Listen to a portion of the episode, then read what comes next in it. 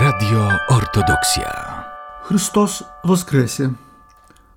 Bracia i siostry, dziś w szóstą niedzielę po święcie Zmartwychwstania naszej uwadze jest proponowany kolejny, bardzo ciekawy fragment z Ewangelii według świętego Jana. Przedstawia on obszerny opis uzdrowienia niewidomego od urodzenia i wszystkich okoliczności, które towarzyszyły cudowi. Po zapoznaniu się z opowieścią od razu zauważymy, że jej narracja jest bardzo podobna do opisu uzdrowienia paralityka. Właściwie jest nawet jego logiczną kontynuacją, gdyż zaczyna się od pytania uczniów: Nauczycielu, kto zgrzeszył, ten czy rodzice jego, że się niewidomym urodził?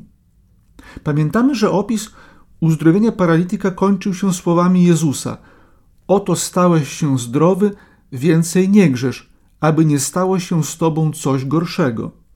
To dlatego uczniowie nie mogą sobie logicznie wytłumaczyć, dlaczego ktoś może być ślepy od urodzenia, jeśli choroba jest skutkiem grzechu.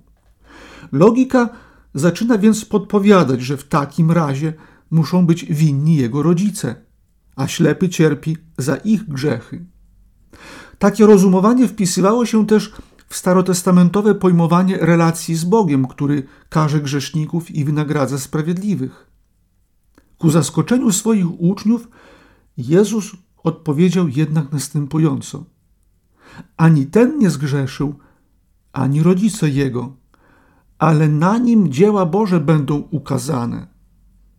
Po czym w charakterystyczny sposób dokonał jego uzdrowienia, nanosząc na oczy błoto i wysyłając, by umył się w sadzawce Siloam. Taka odpowiedź Jezusa prowokuje jednak kolejne pytanie, a mianowicie, czy rzeczywiście istnieje potrzeba, aby człowiek urodził się ślepym i by w ten sposób mogły się na nim ukazać dzieła Boże? Czy uzdrowienie ślepca było konieczne, by Jezus przez dokonanie na nim cudu mógł objawić się światu? Ta wypowiedź Jezusa jest jednym z trudniejszych do zrozumienia miejsc w Ewangelii według świętego Jana i wymaga właściwej i dogłębnej interpretacji. Według ojców Kościoła ów człowiek urodził się ślepym nie po to, by Jezus mógł ukazać się światu i pokazać, że jest Mesjaszem. Narodził się takim po to, by móc samemu doświadczyć miłości Boga i doznając wewnętrznej przemiany zapewnić osiągnięcie życia i szczęścia wiecznego. Jezus Chrystus był w stanie pokazać, że jest Bogoczłowiekiem na różne sposoby, chodząc po wodzie, rozmnażając chleb i rybę, wskrzeszając umarłych, uciszając burzę, panując nad żywiołami, przemieniając się jak na górze tabor. Był bowiem Panem Wszechświata. Bóg jednak nie może zbawić człowieka na siłę, nie może go zmusić, by uwierzył i poszedł za nim. Naruszyłby bowiem wolną wolę człowieka, która jest atrybutem obrazu Bożego. Aforyzm ojców powiada, że Bóg uczynił siebie bezsilnym, dając człowiekowi wolną wolę. Bóg pragnie jednak, zgodnie ze słowami apostoła Pawła, by wszyscy ludzie zostali zbawieni i doszli do poznania prawdy. Prawdą jednak jest, iż poznanie prawdy i zbawienie nie może się dokonać bez woli i udziału samego człowieka. Realizuje się ono zawsze w synergii łaski Bożej i ludzkiej woli. Człowiek bez Boga nie może zbawić siebie, ale również zbawienie nie dokonuje się bez udziału człowieka. Dziełem Bożym, które się objawiło na ślepym, było nie samo otwarcie oczu, lecz dokonanie się w nim przemiany, która bez udziału jego samego nie miałaby miejsca. To właściwie wyjaśnia, dlaczego apostoł Jan w swoim opisie poświęca więcej uwagi na dyskusję uzdrowionego z Żydami i proces jego wewnętrznej przemiany, niż na sam akt otwarcia oczu. Podobnie jak w opisie uzdrowienia paralityka, ślepy od urodzenia, podczas rozmowy z Żydami powoli, lecz świadomie dochodzi do przekonania, kim jest ten, który otworzył mu oczy. Analogicznie jak w przypadku paralityka, tu otwarcie fizycznych oczu było tylko początkiem procesu leczenia. Dziełem Bożym, które się tu dokonało, było otwarcie oczu duchowych, którymi można oglądać Boga. To jednak nie mogłoby się dokonać bez wyjątkowego spotkania z Jezusem, podczas którego zostały otwarte oczy fizyczne. Cały ten długi opis ewangelista Jan wieńczy rozmową Jezusa z uzdrowionym, po tym jak spotkał go jeszcze raz. Jezus zapytał uzdrowionego: Czy ty wierzysz w syna Bożego? Odpowiedział tenże i rzekł: A któż to jest, panie, abym w niego uwierzył? Rzekł mu Jezus: Zobaczyłeś go i jest nim ten, który rozmawia z tobą.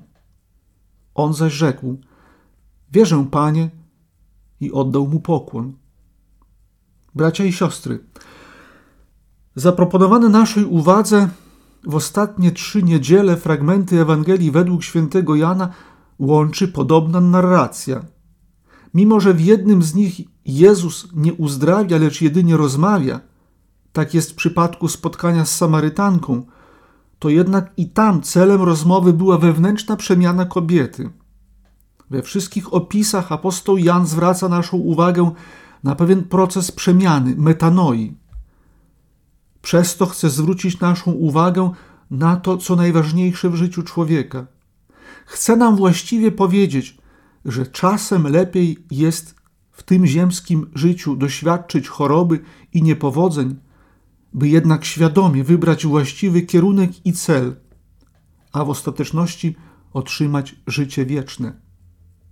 Tak często, bracia i siostry, w naszym życiu Bóg przemawia do nas na różne sposoby.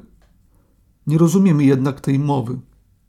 Daje nam znaki w postaci różnych wydarzeń, lecz ich nie dostrzegamy.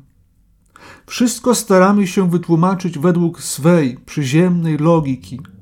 Chcemy, żeby w naszym życiu wszystko szło według naszego scenariusza i planu. Nie chcemy i nie umiemy pogodzić się z tym, co idzie inaczej, nie po naszej myśli. Chrystus wzywa nas, byśmy wzięli swój krzyż i poszli za nim.